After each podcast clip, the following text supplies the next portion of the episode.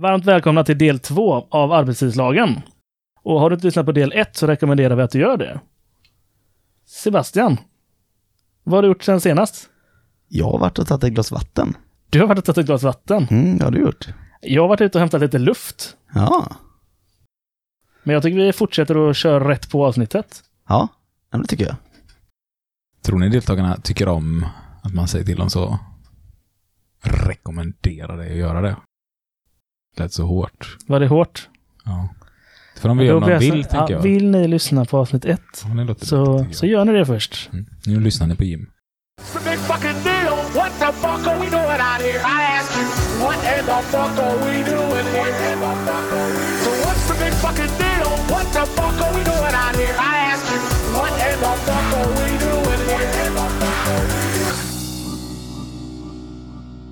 Paragraf 13. Alla arbetstagare ska ha minst 11 timmars sammanhängande ledighet under varje period om 24 timmar, dygnsvila. Avvikelse får göras tillfälligtvis om det föranleds av något särskilt förhållande som inte kunnat förutses av arbetsgivaren under förutsättning att arbetstagaren ges motsvarande kompensationsledighet. I den dygnsvila, som alla arbetstagare har rätt till, ska tiden mellan midnatt och klockan fem ingå.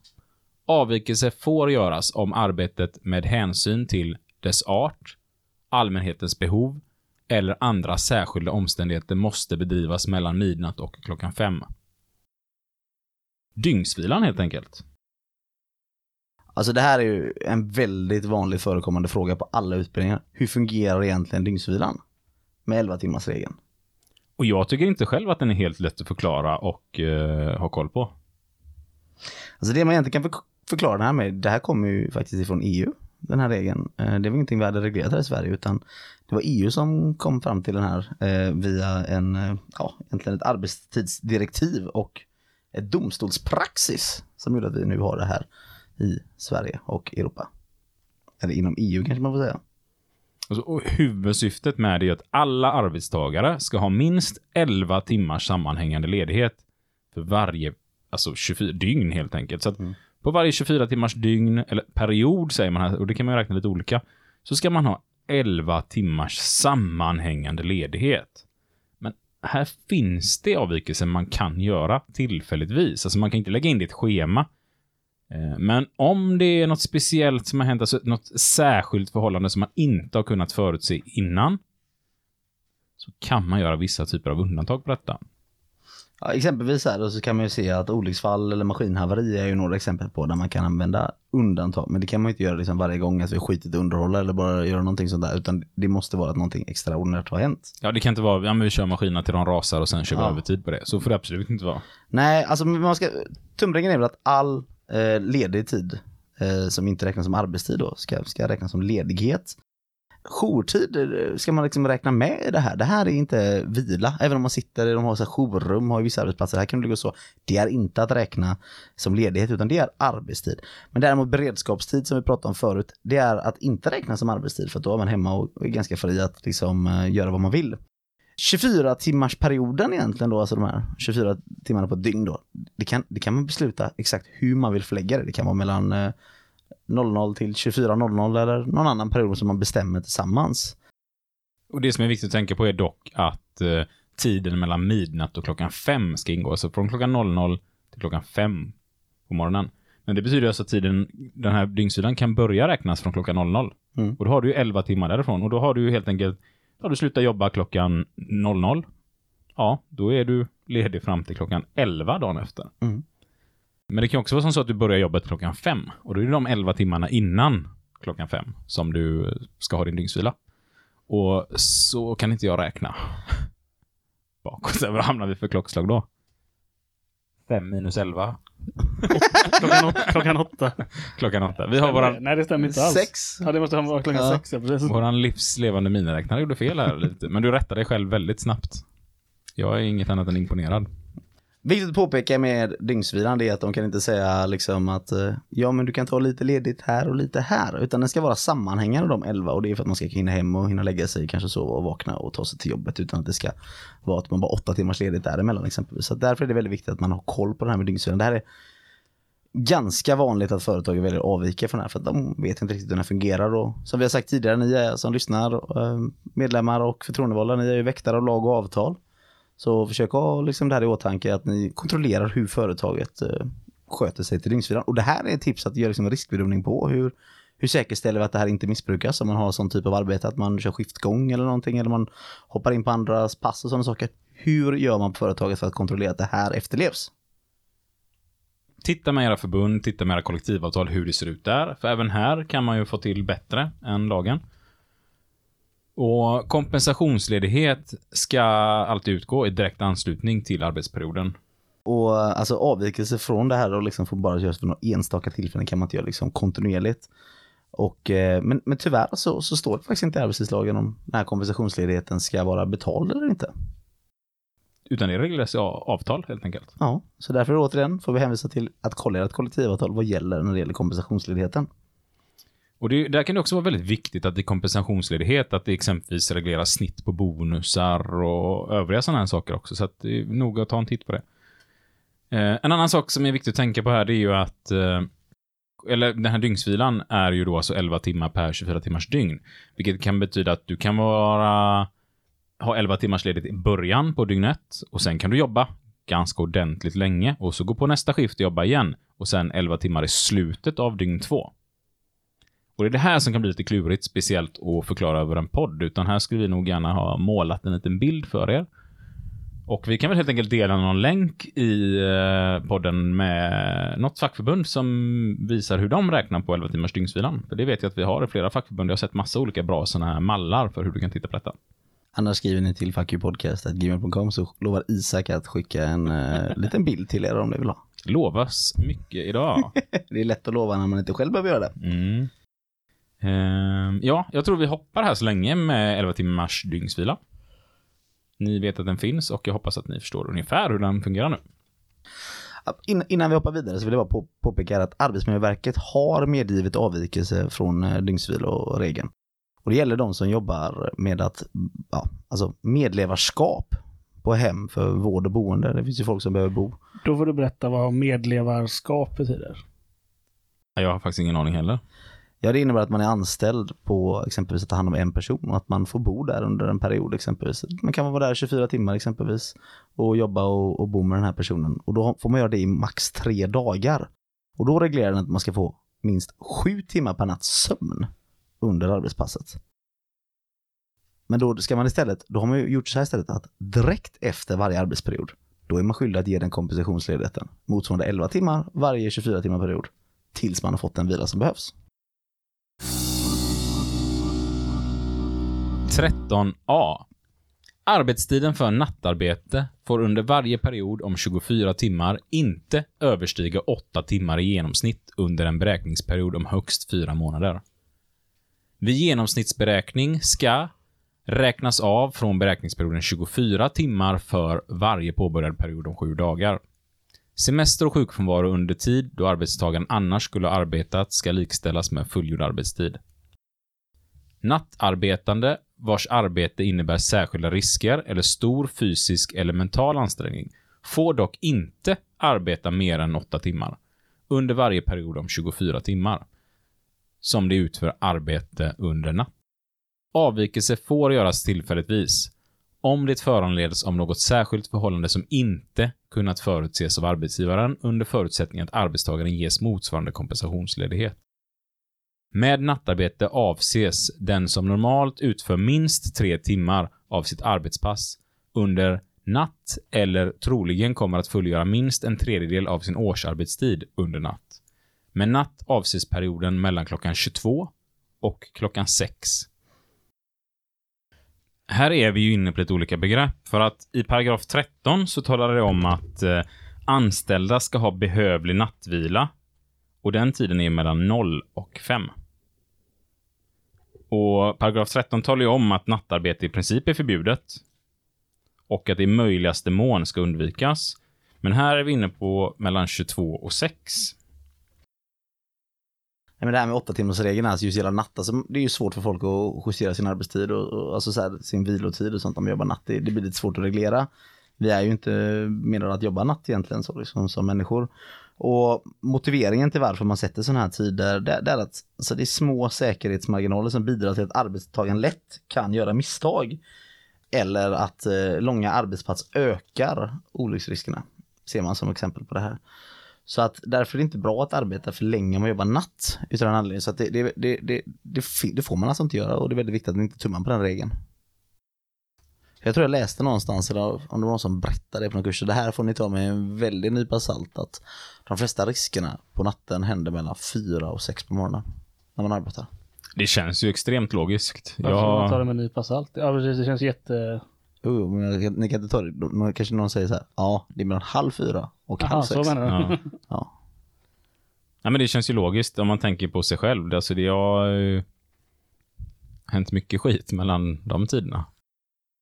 Är det när du arbetar verkligen? Nej, det kanske inte är att man har arbetat, men att man är både trött och trött efter en Trött och trött, sen ja. kväll på stan eller sådär liksom. Inte sovit på länge. Nej, men alltså man inte sovit på länge eller vad det nu kan tänkas vara va? Mm. Det jag åkte faktiskt en gång eh, taxi hem från stan. Vi var ute på någon nattklubb och så tills allting stängde och sen vidare på efterfest och så det ena och det andra. Ut på gatan, klockan är väl sju på morgonen eller något sånt där. Eh, och hoppar in i en taxi. Killen som ska köra liksom, han kör och så halvvägs hem så somnar han bakom ratten.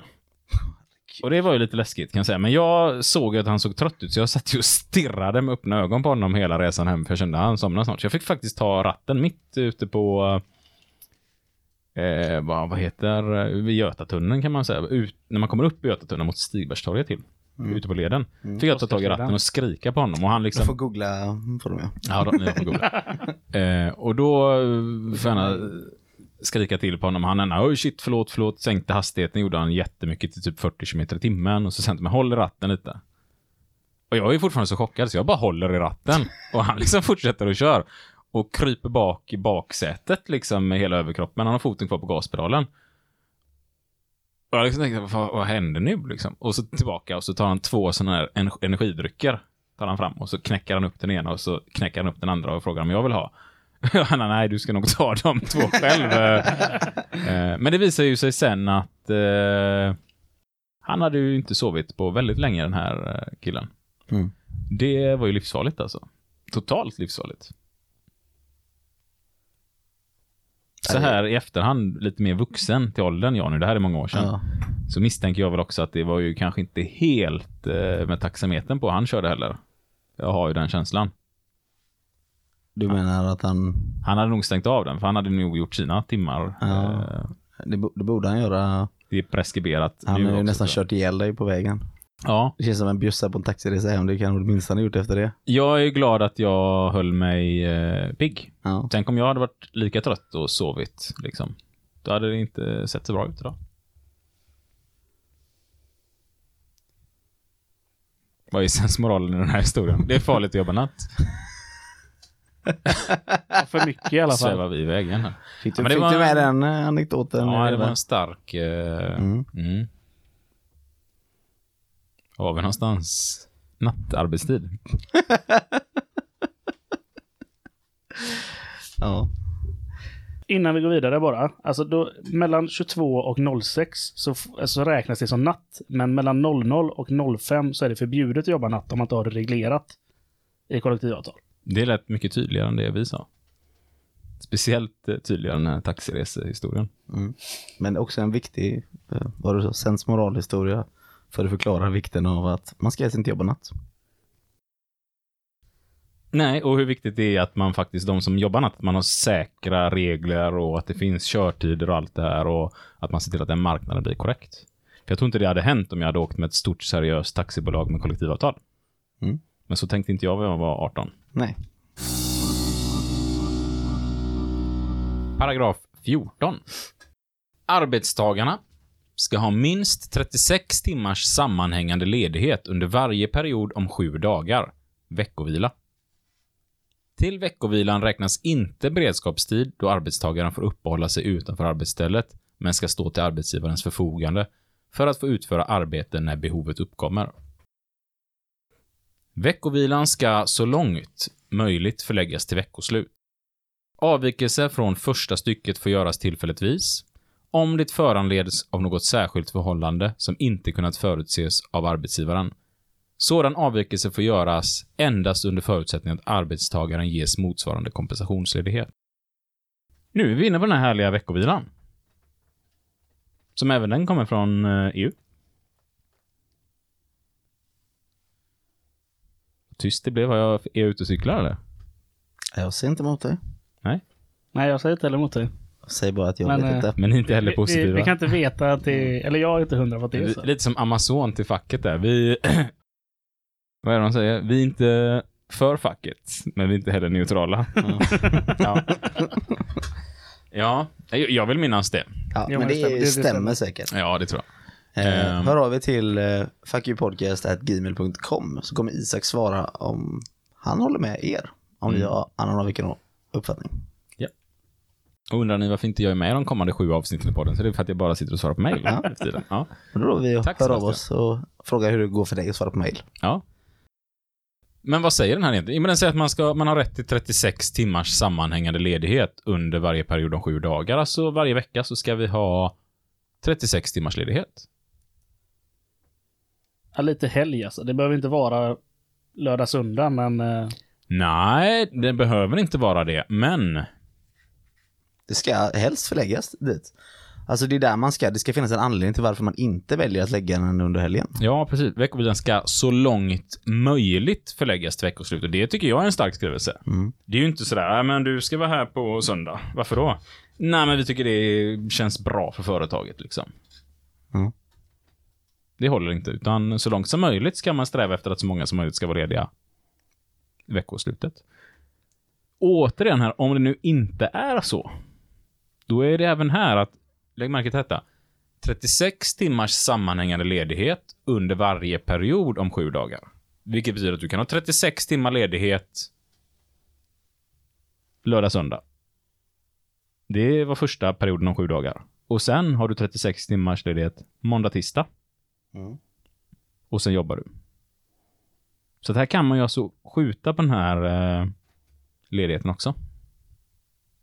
Men.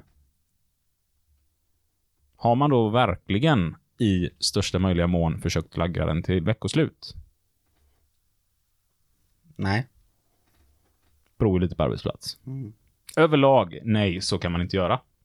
Men det kan ju vara som så att det finns starka skäl till det på just den arbetsplatsen. Och ja, har vi några exempel på det? Ja, vi hade en period där vi körde övertid eh, som in i bomben på en arbetsplats. På grund av att eh, våran kund hade, skulle släppa en ny bilmodell. Eller hade släppt en ny bilmodell och då var man tvungen att arbeta. Så ehm, då var det, ja, folk kunde inte ut alla. Så jag hoppade in en hel helg och då hade jag inte fått någon dygnsvila alls den helgen. Och eh, då fick jag ju 72 timmars eh, dygnsvila helgen efter istället. Så då var jag ledig fredagen med full betalning. För då kunde de inte skjuta på det med att tvinga dig Precis. arbeta. Precis. För man kan skjuta den under en två veckors period. Men det ska se till så att du får 36 timmars sammanhängande vila. Också en otroligt viktig regel tycker jag. Mm. Vad tycker du Jim? ja, självklart. Det är väl över att man får ledigt. Förväntade du ett nej där? nej, jag tycker det är kast. Då är vi ense i det här Det var bättre vi fick jobba Ja. hundra Du dagar. hörde ju att de hade släppt en ny bilmodell. eh, Isak, det är klart de måste jobba. Det här skiljer ju också så mycket över vart man jobbar och hur det ser ut. Och jag och Jim kommer ju från en bransch där man liksom fortfarande ser på det här med att men det är måndag till fredag man jobbar. Mm. Så är det hos mig med. Men ibland behöver man eh, jobba tyvärr. Ja. Nu glömmer vi alla som jobbar i vården när de har patienter eller eh, de som har kunder på hotell, restaurang eller butiker och sådär. Ja, precis. Bra, bra tänkt där för att de får ju sin kompensationsledighet någon annan gång istället. Alltså de får ju ta den veckovilan istället, kanske på en måndag, tisdag. Eller så när man kanske inte har öppet. Det är därför det är ganska vanligt att vissa restauranger har stängt måndagar exempelvis, som man kan se när man är ute ibland. ja, men det kan man göra. Och även museum och lite sånt där brukar jag ha. Mm. Och så är man alltid där och ska äta och gå på museum just den dagen. Mm. Nej, inte alltid. Jo, Alltid. bokstavligt talat alltid. Alltid. Du går alltid lite hungrig. Alltid. Ja. Varje gång du äter så, så finns det inga... Nej, okej, inte alltid, men det händer när Ja. man är iväg sådär. Och det, jag tycker det är jobbigast när man är har åkt långt och så är det något sånt här museum man verkligen vill in på. Liksom. Jag, tror, jag kommer ihåg en gång jag var i Milano. Och så sa men när ni är i Milano måste ni gå på Da Vinci-museet liksom. Och så kommer vi dit så stängt. På grund av veckovila. Med så jävla, jävla fackförbund. Också med EU. då. Ja. Och så tänker jag så jag får engagera mig politiskt för att sätta stopp för de här tokigheterna. Och sen tänker jag så här, det är ganska gött att vara ledig själv ibland. Det kanske inte är så farligt att det är stängt någon gång ibland på de här ställena. Så sympatisk är jag. Och nu kommer vi in på paragraf 15 som berör rast. Det är ju ganska intressant. Mm. Paragraf 15. Med raster förstås sådana avbrott i den dagliga arbetstiden under vilka arbetstagarna inte är skyldiga att stanna kvar på arbetsstället. Arbetsgivaren ska på förhand ange rasternas längd och förläggning så noga som omständigheterna medger. Rasterna ska förläggas så att arbetstagaren inte utför arbete mer än fem timmar i följd. Rasternas antal, längd och förläggning ska vara tillfredsställande med hänsyn till arbetsförhållandena. Det här tycker jag är en jättetydlig och bra paragraf i alla fall. Mm. Den är ju väldigt bra att den finns överhuvudtaget. För annars så säger de, då är det ingen krav på rast liksom. Men jag har fått jättemycket frågor på det. Hur länge får jag jobba utan rast? Mm. Och så är det fem timmar enligt lagen. Sen kan det stå annat i era avtal. Alltså man kan väl säga så här att lagen anger ju inte hur lång rasten ska vara. Men man kan allmänt säga att om det bara finns en rast under hela arbetsdagen så bör den inte understiga 30 minuter. Så är det meningen man ska tolka lagen. Och rasternas längd och förläggning ska i regel framgå av ett arbetstidsschema. Väldigt viktigt att man har koll på detta också. Ja, men det kanske räcker så. Ja, det tycker jag. Behöver inte göra det mer komplicerat än vad det är. Nej. För när vi hoppar in på nästa paragraf här nu. Paragraf 16. Raster får bytas ut mot måltidsuppehåll vid arbetsplatsen. Om det är nödvändigt med hänsyn till arbetsförhållandena eller med hänsyn till sjukdomsfall eller annan händelse som inte kunnat förutses av arbetsgivaren. Sådana måltidsuppehåll räknas in i arbetstiden. Man Det- kan alltså under vissa omständigheter, Sebastian. Ja. Jag märkte att jag avbröt dig. Nej, jag avbröt, vi avbröt lite varandra där. Ja. Men alltså till skillnad från alltså eh, rast som då i regel ska ses som obetald. Så är ett måltidsuppehåll att inräknas i arbetstiden. Så det gör man alltså under arbetspasset. Eh, och det kan ju vara att man kommer överens om att vi ska bara ha måltidsuppehåll här för att man kanske behöver kontrollera någon verksamhet och man kanske inte bara kan ta pauser eller raster vissa tider utan det, är- det är att eh, måltidsuppehåll för att på rasten får du lämna men måltidsuppehållet så måste du vara där. Ja, då står man lite till arbetsgivarens förfogande under vissa begränsningar kan man väl säga. Ja. Det betyder också att du har lön när du, eh, Ja. när du äter. Och, och den här är, tycker jag, jag tycker den här är superviktig, för så många gånger vi har suttit och käkat i lunchrummet och så kommer chefen upp så här, ja det är en kund där ute med sin bil och det är något problem, kan någon springa ner och titta på det? Mm. Och varje gång ställer man upp. Mm. Men var man fem minuter sen någon dag, då fick man banne mig skit för det liksom. Och då tyckte jag så här, det är ett givande och tagande. Men återigen, ja men lagen är tydlig. Om vi ska ställa upp det, vi ska ha lön under tiden. Precis. Ska man bjuda på det då varje dag eller vad- hur ofta det nu är? Det ska man ju absolut inte göra. Det kan ju bli ganska mycket, en halvtimme per dag. 220 dagar om året. Säg att det är 100 timmar ni skulle kunna vara lediga. Mm. Ska ni bjuda på det verkligen? 100 timmar per år? Nej, Jag hade inte gjort det. Du frågar som att du förväntar dig att jag ska säga ja. Jag är Ja, helt jag tänker det blir mer flow i podden då. Ja. Ja. Herregud, nu är de igång killarna. Nej men du säger helvete eller? Ja, vad bra, vad bra. Det är klart ni inte ska bjuda på det va? Nej.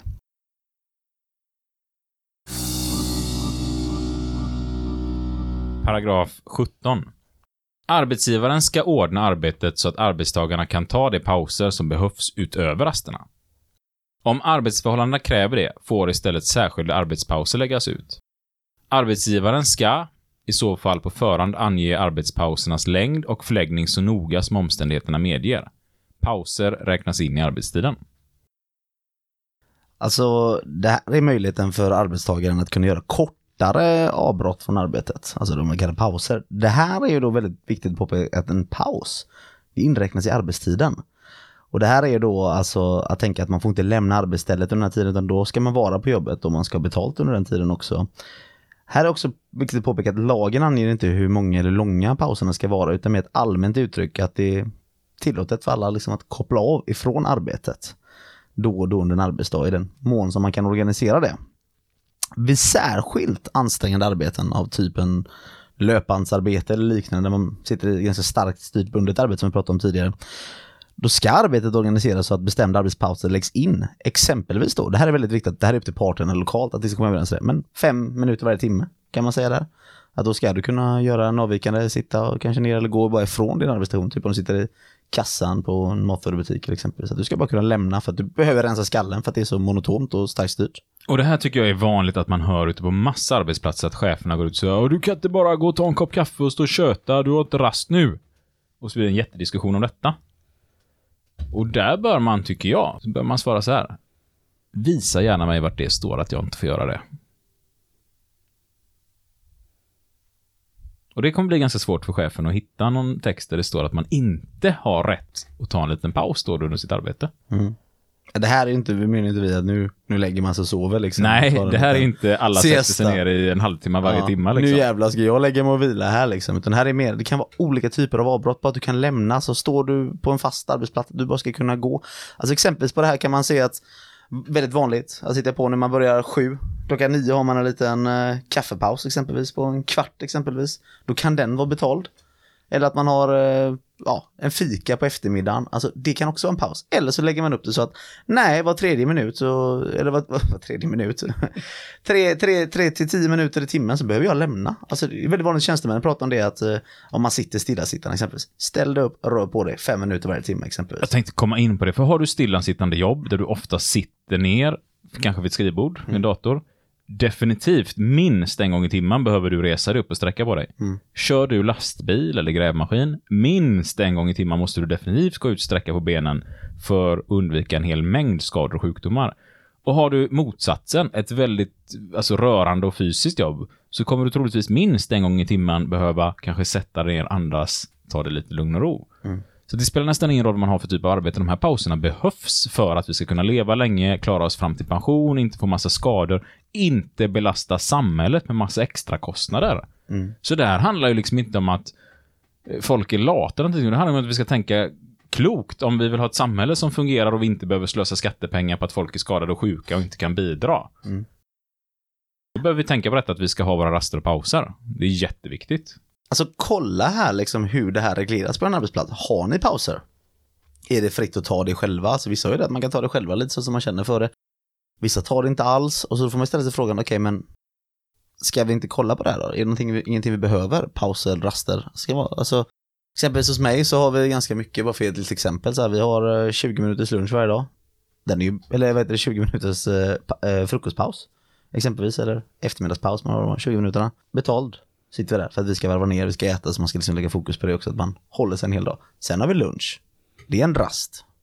Obetald. Men sen har vi en paus sen igen. Så att många har ju liksom en timme kanske på en hel dag, men vi har ju ganska, jag tror vi kommer upp någonstans en timme, 20 minuter på en dag liksom, där vi har både rast och paus på en åtta timmars dag.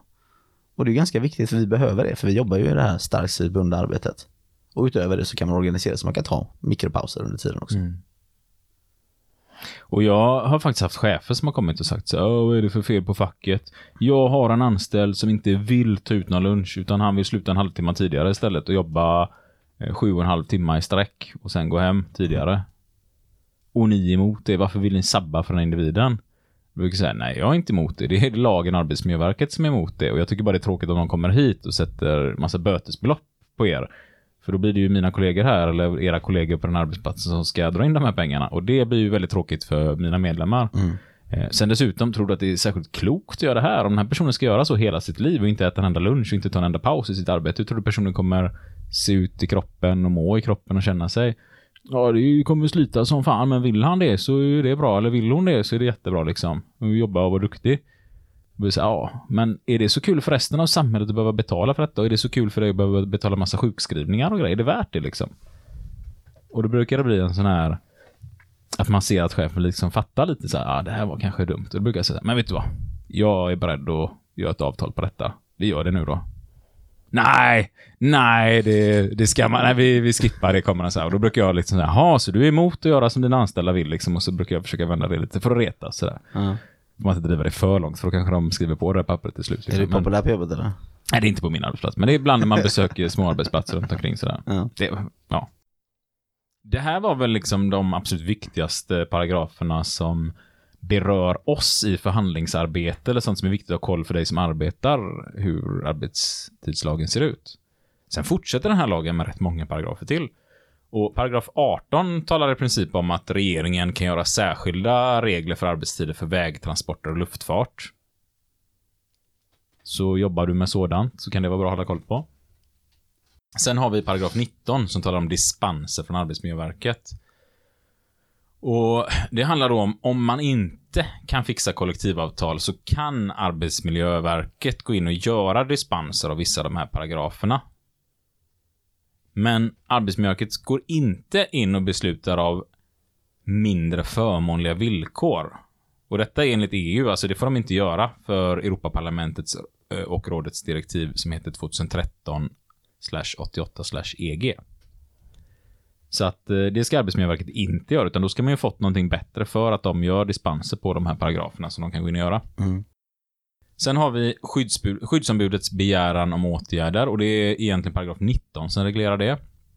Och ett skyddsombud kan helt enkelt eh, begära åtgärder, en hel del olika åtgärder, eh, för att säkerställa att paragraf 8, 9, 10 följs. Eh, och skyddsombudet ska vända sig till arbetsgivaren och begära att de vidtar de här åtgärderna. Och då ska arbetsgivaren genast lämna skyddsombudet skriftliga bekräftelse på ja, det här. Och det handlar ju om jourtid övertid och allt det här. Utan dröjsmål ska detta ske. Sen har vi paragrafer som gäller tillsyn och det reglerar egentligen Arbetsmiljöverket, att de ska kunna få tillsyn. Vi har straffbestämmelser som är paragraf 23 och framåt. Eh, som egentligen reglerar att man kan få både böter och fängelse i högst ett år. eh, Om det kommer en dom på att man uppsåtligt eller oaktsamt har brutit mot arbetstidslagen. Så det är ju alltså fängelse en arbetsgivare kan få för att bryta mot detta. Mm. Absolut. Sen är det synd att inte liksom, synd kanske man ska säga. Nu är jag lite trött, klockan är väldigt mycket här på kvällen när vi sitter och spelar in. Eh, men sen är det ju så att arbetsgivaren ska ju inte, vi ska inte hamna i de lägena att vi försöker sätta dit arbetsgivarna bara för att de ska få liksom någon form av ekonomisk straff. Det drabbar ju kollegor liksom. Så försök att, att, att se över den här frågan och revidera den tillsammans med en arbetsgivare och prata med skyddsorganisationen eller om ni är en del av skyddsorganisationen och, och se hur ni hanterar de här frågorna som vi pratat om idag. Och sen har vi en del paragrafer här som reglerar sanktionsavgifter. Och det är ju så att Arbetsmiljöverket kan lägga sanktionsavgifter på arbetsgivare som bryter mot detta. Och sanktionsavgiften utgör för varje timme otillåten arbetstid eller jourtid. Eh, Så att du betalar sanktionsavgift på varje övertidstimme. Mm. Eh, För varje individ dessutom. Och eh, det är en procent av prisbasbeloppet i socialförsäkringsbalken som gäller. Så alltså, vad är, har ni koll på vad ett prisbasbelopp ligger på i år? Kan inte vad den är. 47 300 tror jag. Ja, men däromkring är det i alla fall. Och lyssnar du på den här podden om ett år så är den kanske lite högre och högst osannolikt att du har lyssnat på året innan. men det här, Väldigt otroligt. ja, Men om du gjorde det. det här regleras ju som sagt eh, indexregleras ju varje år med prisbasbeloppet. Så att den här böten eller sanktionsavgiften går ju upp för varje år. Om vi inte får jättedeflation, för då kan den gå ner. Nu ska vi inte åka för långt till detta. Eh, men en procent av detta, så att det skulle innebära nu att vi landar på, vad blir en procent nu av, eh, för sa du 47 000? Någonting. 47 300, det blir eh, 473 kronor eller? Mm, blir det inte... Fan. Jo, det blir. Bright guys. Ja.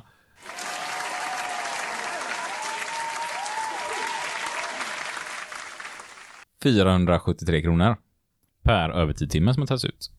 Och jag menar, är det ett stort företag då, så att det är, eller, eller ett medelstor, ett litet företag eller mittemellan. Vi, vi säger att det är 50 personer som har jobbat 50 övertidstimmar för mycket.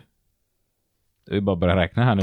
nu får vi Ja, jag är beredd där. Fram med stora miniräknaren. eh, stora knappar. 50 gånger 50. 1 miljon 8 182 500 kronor. En miljon 182 500 kronor. Ja. You get a car. You Fem- get a car. Ja, 50 personer har jobbat 50 timmar för mycket. Mm. Ehm, så det, det kan bli väldigt stora pengar här, om man inte har koll på detta. Det var ju faktiskt en eh, klubbordförande som gjorde det här mot sin arbetsgivare för att de höll på med det här nästan systematiskt och hotade med detta. Och då var det ju typ 500 personer som hade jobbat var 70 timmar för mycket, det blev ganska mycket pengar. Ja. Och då är det antagligen ett företag, misstänker jag, som också tjänar väldigt mycket pengar. Eh, det kan inte jag svara på. Men det gör de säkert. I alla fall har de en stor omsättning, ska jag gissa Ja, på. ja, det har de. Så det blev ju ganska mycket pengar. Vad var det jag sa? Dö, dö, dö, Ska vi räkna ut? Eh, Här är bra podd. Det här är fantastiskt. Dö, dö, dö. ja, men det var 16 miljoner typ 550 000. Ja, 165 miljoner står det Ja, fast det blev lite fel där. Okej, ja. Så, att, Så runt 16 miljoner fick de betala. Mm. Ja. Ja, då tog de istället och gjorde någonting roligt för de anställda. Företaget ville, ville betala det till personal istället för att de åtgärdade det här och aldrig skulle se till så att det här skedde. ja.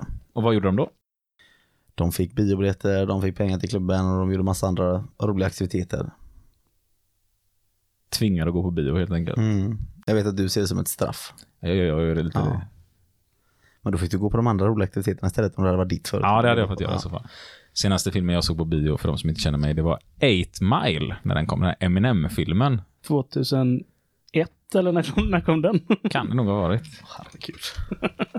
Ja, jag, tycker inte det är... Jag, tycker inte det, jag, jag ser inte grejen framför mig riktigt. Det är, Ja. Vi ser om dina barn håller med dig sen. Hej, vill du komma hem till mig och titta på en film? Vi är bara 183 personer som ska sitta i mitt vardagsrum. Du får inte säga någonting under hela filmen, du ska vara tyst. Jag kommer ihåg när du, Ja, ja. du fick ju faktiskt eh, hem massa biobiljetter.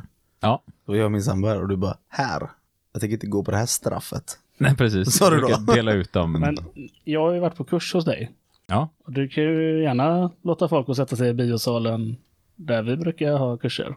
Ja. För att de ska se på filmer som du tycker de ska se på. Ja, det är ju inte att de ska kolla på liksom. eh, Nej, det, det är ju inte 8 Mile. Eight utan- Mile var senaste filmen jag såg. Den tyckte jag var bra, så Isak och startade den. Utan det kan ju vara ett uppdrag, granskning avsnitt när de pratar om arbetsmiljö och kollektivavtal och sådana grejer. Och så här. Det, det kanske jag hade gått och kollat på. Om de visar mer uppdrag granskning på biograferna så hade jag kanske gått på bio lite På spåret. Ja, nej, På spåret hade jag ju inte velat se på en biograf. Och så sitta där och så ska man liksom sitta och gissa och så gapa och skrika. Nu får ni vara tysta där, vad fan, det är Paris, Paris! Nej, är du dum i huvudet eller? Det där är... och så, nej, det hade inte funkat. Ja. Eh, ja. Har vi några fler paragrafer? Nej, det är därför vi börjar spåra ut. Ja. Jo, men vi har några till. Men det, det, det rör sig om överklagande och det är ingenting vi behöver ha så stor koll på här egentligen. Utan det rör sig om eh, om man vill överklaga Arbetsmiljöverkets beslut i de här fallen. Då är det paragraf 28 till 32. Eh, ja, och där är egentligen arbetstidslagen slut.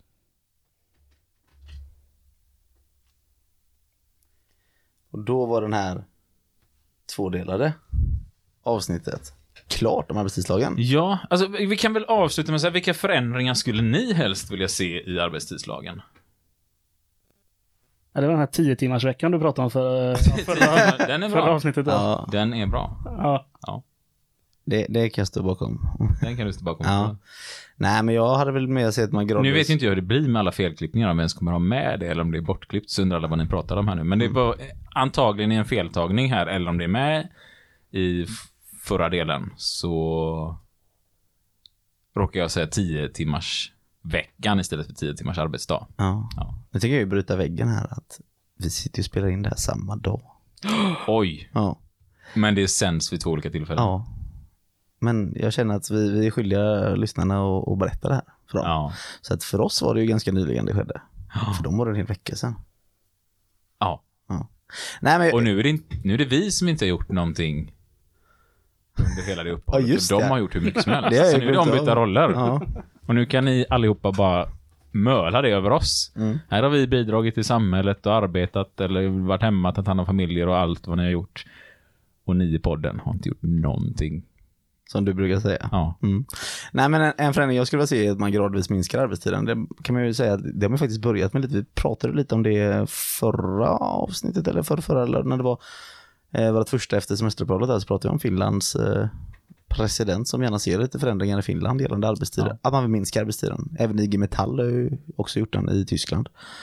Ehm, så att det, det är någonting jag absolut kan tänka mig att, att se som en, eh, ja, någonting vi borde se över här i Sverige. också. Sex timmars arbetsdag exempelvis. Ja, Ja. börja jobba gradvis neråt dit i alla fall. Vi har ju redan börjat utöka det ganska mycket i Sverige med att man exempelvis för skift, att man kan minska arbetstiden och att vi har arbetstidsförkortningar i vissa fall och sådana saker. Men jag kan absolut se att det här börjar bli mer och mer rimlighet eh, i Sverige. Att, eh, det, det, målet kan inte vara att vi alla ska arbeta hela tiden varje dag. Mer om det ska vi prata om i ett separat avsnitt. Ja, det kommer vi om. definitivt göra. Jag tänker också så här att vid 60 år så kanske arbetstiden ska minska med 10% per år. Mm. Så när du är 60 år så börjar du jobba 90%. Vid eh, 61 år så jobbar du 80% och så håller det på så tills du är heltidspensionär. När du är 70 så har du 100% lön, men du är aldrig på jobbet. Ja, men det är väl ändå något mål, Ja. kan jag tycka. Ja.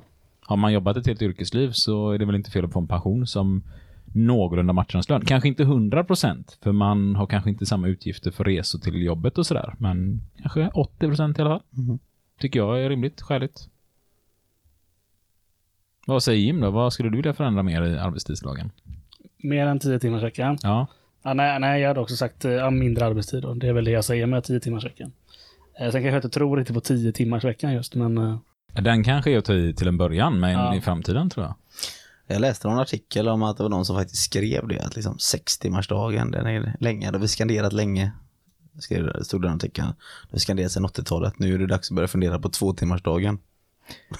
Ja, men Så 10 det- timmars veckan, 10 timmars debatten Jim, ja. den finns, den den lever. väcker nu här Ja. ordentligt. Eh, Redan på slutet av 1700-talet så är det ju en hel del mängd filosofer i Europa som talar om att nu har industrialiseringen dragit igång så kraftigt att eh, det är dags att införa två timmars arbetsdag. Var det de. Men då var det ju varje dag två timmar. Så då hade man behövt jobba lördagar och söndagar. Hade accepterat det. Det hade jag också accepterat. Eh, Jag hade till och med accepterat, tror jag, jobba hela semestern om det bara var två timmar om dagen. Absolut. Fatta vilken komp. Man kan Ja. bygga upp. Jag jobbade sex timmar nu så nu kan jag ta semester. Ska du jobba övertid då? Sebbe? ja, man får ju vara den som är den då. Och då menar de på att samma resurser man hade innan skulle kunna fördelas rättvist eh, på att alla jobbade två timmar istället för industrialiseringen började komma igång. Och jag menar, tänk hur mycket vi utvecklat den nu. Mm. Det ska vi ta när vi pratar. eh, Mm. Annars blir det här ett Ja, avsnitt till här då. precis. Mm. Och det har vi inte tid med för Nej. att eh, arbetstiden säger att vi ska ha dygnsvila. Och den är vi nära på att spräcka nu. Ja. Mm. Ja, det är vi. Eh, För, vi- ja. vi, vi får väl säga tack till er som har lyssnat idag. Frågor och eh, åsikter, tankar, idéer mejlar ni som vanligt in på fuckyoupodcast gmail.com. Ni kan även skriva till oss på Instagram och Facebook och alla sådana här sidor. Och där heter vi Fuck You Podcast. Något jag har missat? Nej. Det låter jättebra. Då säger vi hej då. Ja, men det gör vi. Ja. Jag får det fint. så med deltag. Jag vill liksom inte släppa. Nej, vi Nej, förstår vi det. säger Vi, vi har det. känt Ångest. detta. Nu, Vi har nu känt säger vi hej då. Ja, nu säger vi hej då. Ja. hej Ha det gött. Hej. What the fuck are we doing out here? I ask you, what in the fuck are we doing